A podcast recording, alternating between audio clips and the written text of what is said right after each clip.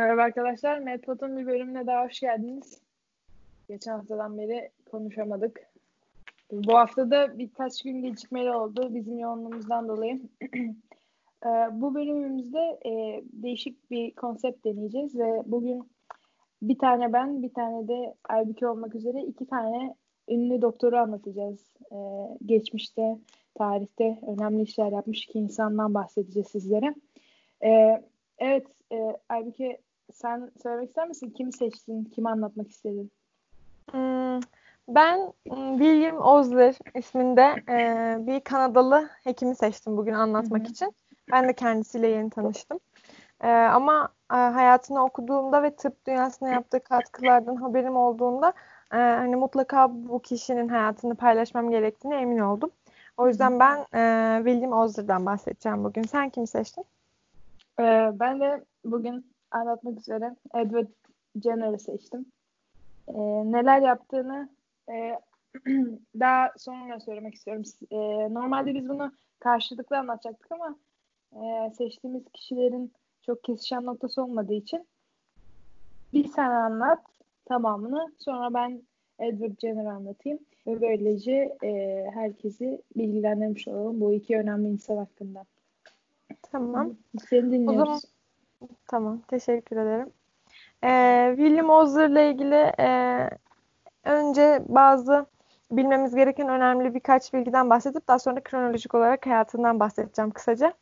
Önce söylemek istediğim şey tıpla ilgilenen herhangi bir öğrencinin ya da bilimle ilgilenen, tıpla ilgilenen birinin bilebileceği bir e, keşif yapmış kendisi. Kanda o güne kadar tanımlanamayan e, daha sonradan trombosit adı verilen e, cisimciklerin al yuvar, kırmızı kan hücresi ve ak yuvar, beyaz kan hücresi gibi bir tür kan hücresi olduğunu gösteren hekim kendisi.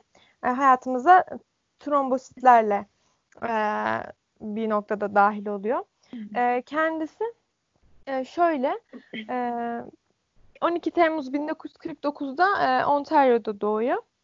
E, kendisinin dışında e, iki ya da üç tane de kardeşi var. Ondan tam emin değilim. Ee, en başta rahip olmak istiyor aslında. Ama daha sonra kararını değiştirip e, 1867 yılında Toronto'da tıp fakültesine giriyor. E, tıp fakültesinde e, başladığı öğrenimini 1872 yılında McGill Üniversitesi'nde tamamlıyor. Ve daha sonra e, bu üniversiteden mezun olduktan sonra da Avrupa'da e, eğitim almaya gidiyor mezuniyetinden sonra.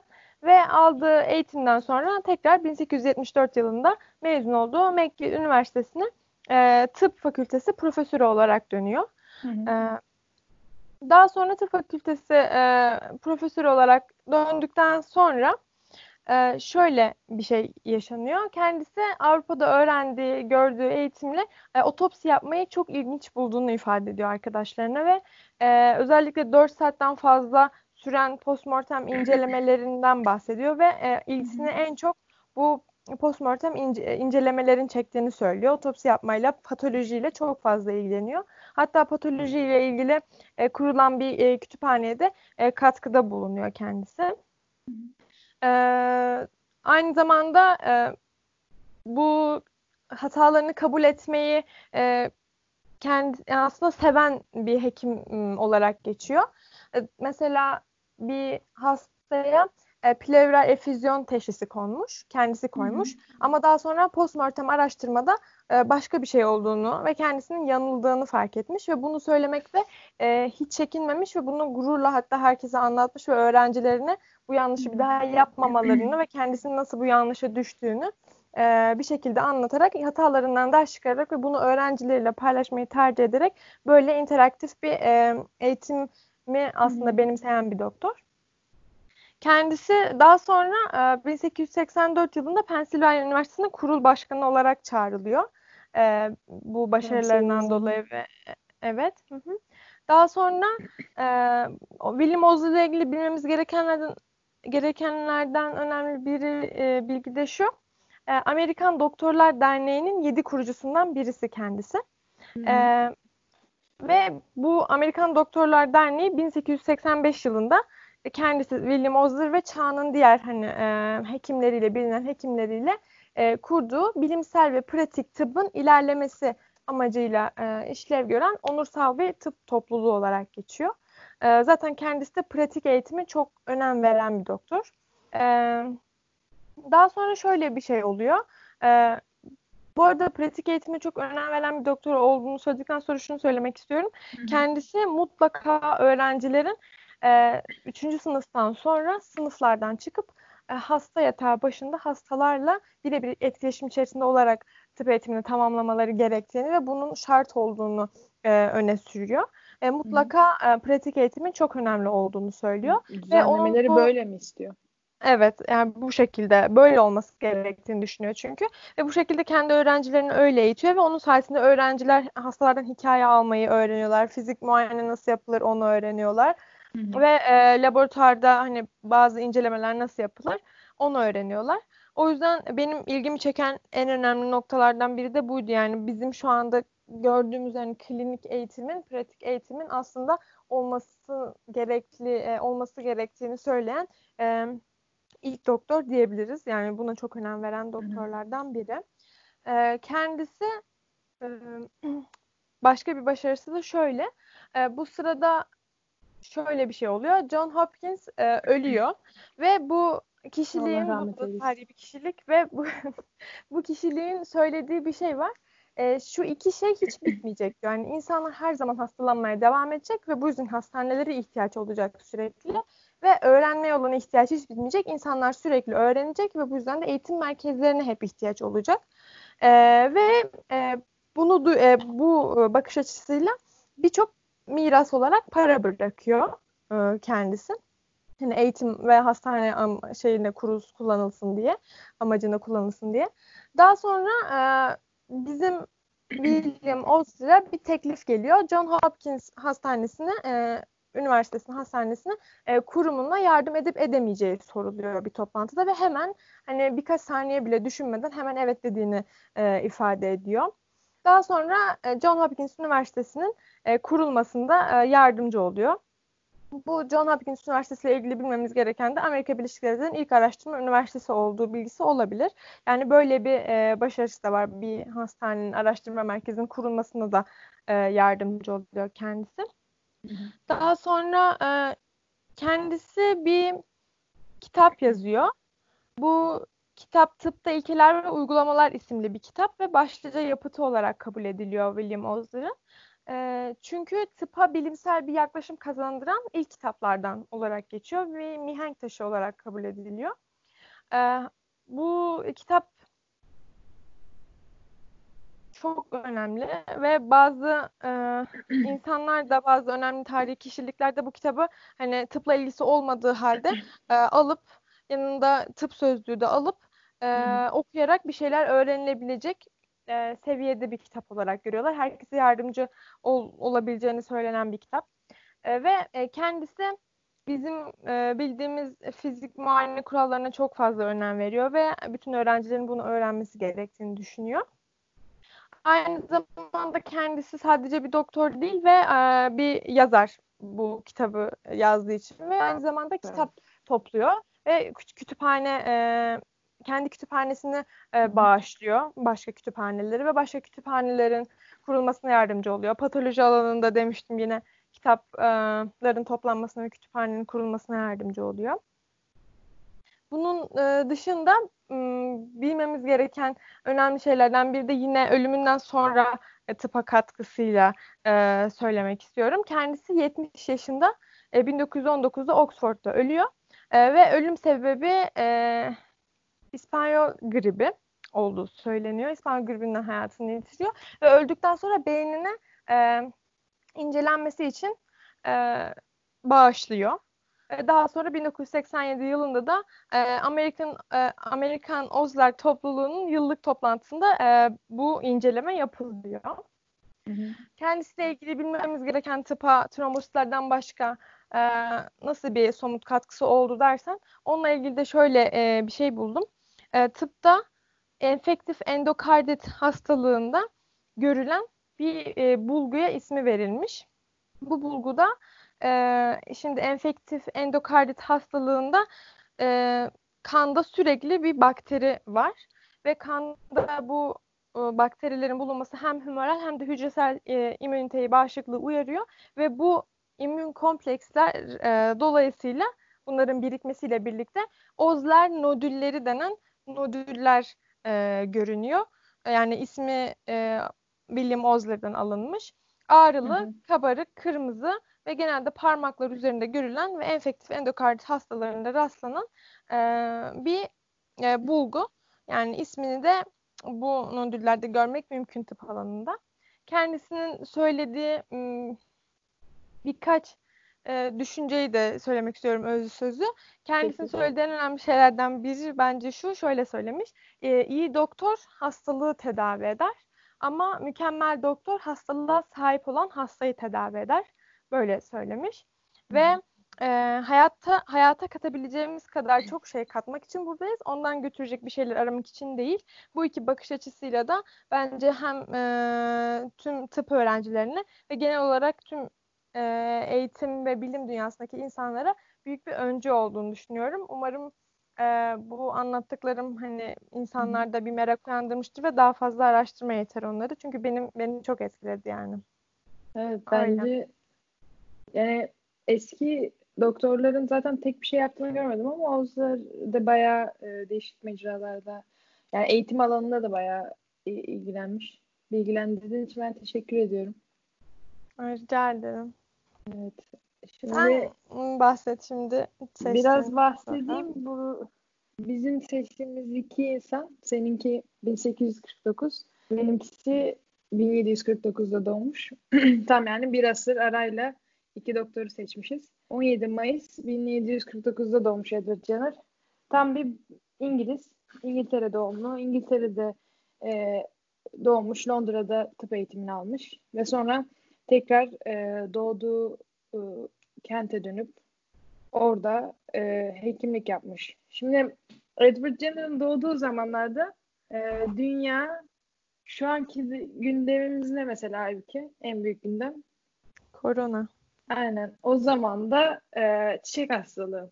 E, dünyada o zaman da çiçek pandemisi var. Herkes çiçek hastalığından ölüyor.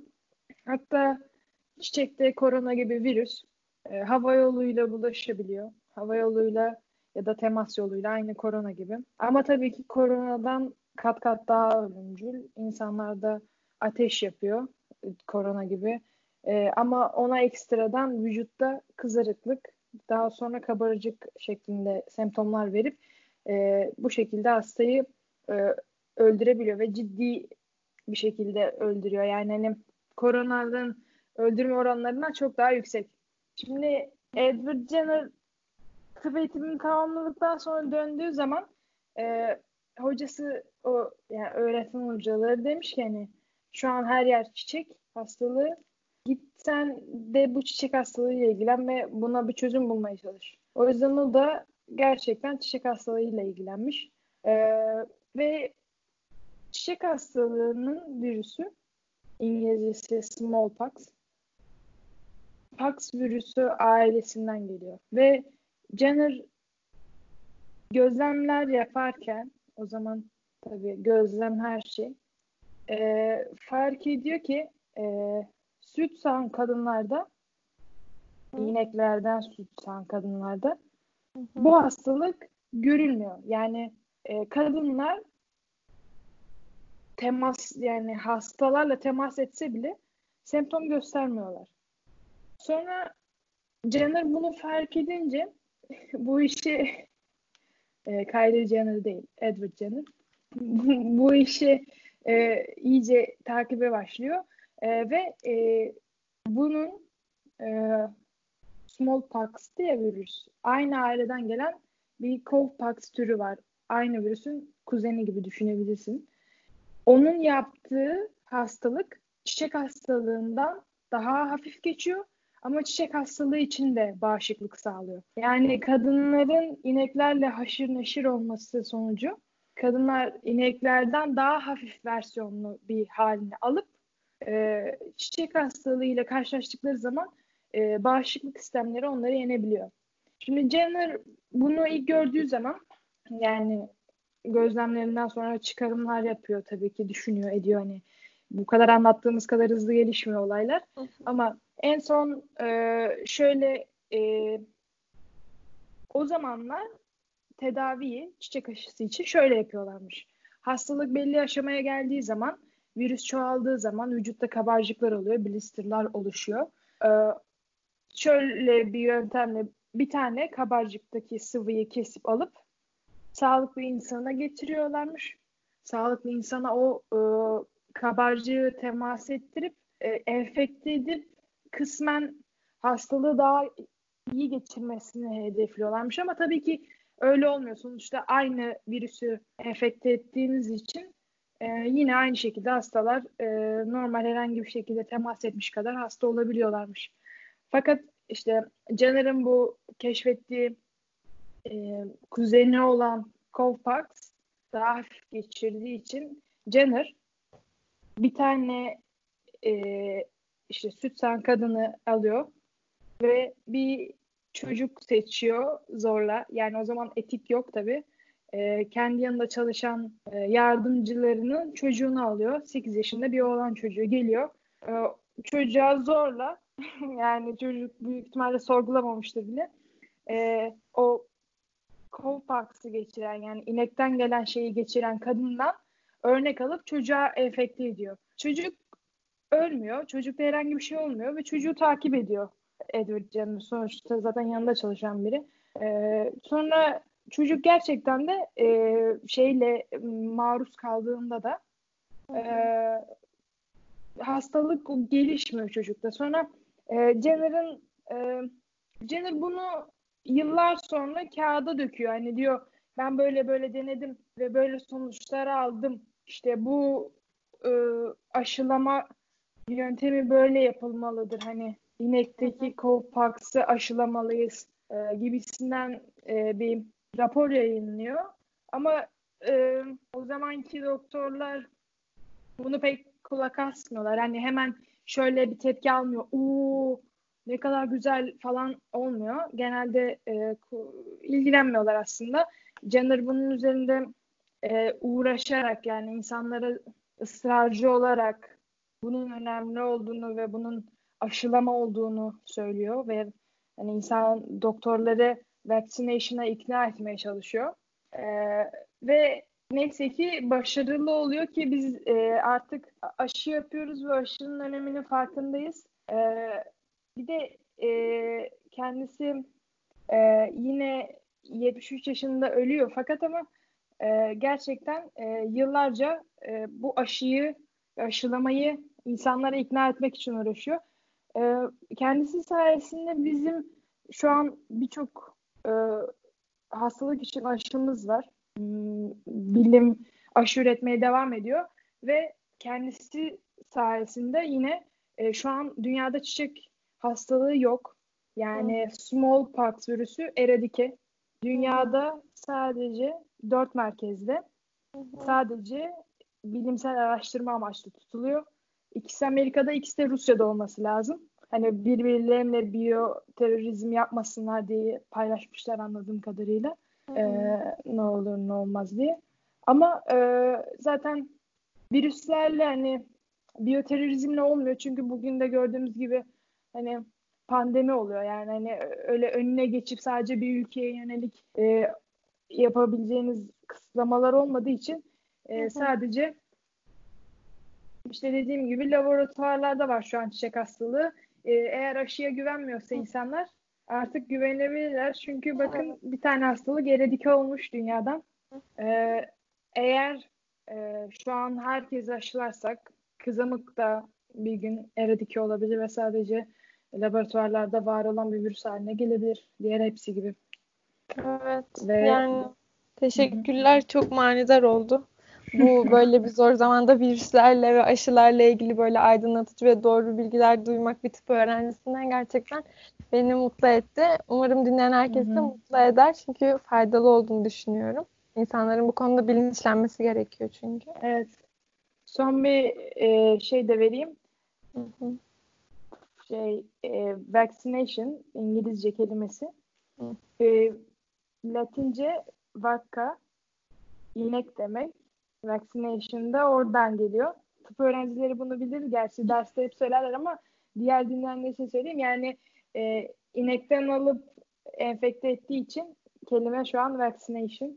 O yüzden vaccination'dan vazgeçmeyelim. Herkes aşılansın. Çocuklarını da aşılasın. Evet. Teşekkür Böyle de mesajlı içerikler.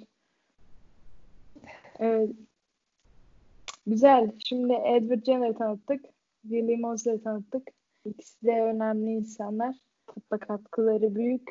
Ee, inşallah burada bir şeyler öğrenirlerse insanlar bunları aklında tutsunlar.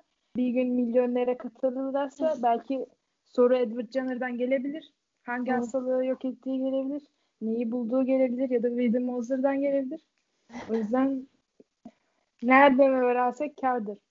Doğru. O yüzden bizim bu bölümümüzü dinledikten sonra fikirlerinizi bizimle paylaşabilirsiniz. Tekrar Instagram adresimizden. Evet. Umarım dinlerken eğlenirsiniz, aynı zamanda öğrenirsiniz. Evet. Biz çekerken Bayağı- çok mutlu oluyoruz. Umarım siz de dinlerken. çekerken ö- iyi öğreniyoruz. Umarım Evet. bir şeyler öğren öğretebiliyoruzdur ya da eğlendirebiliyoruzdur insanları. O zaman haftaya görüşmek üzere. Görüşürüz.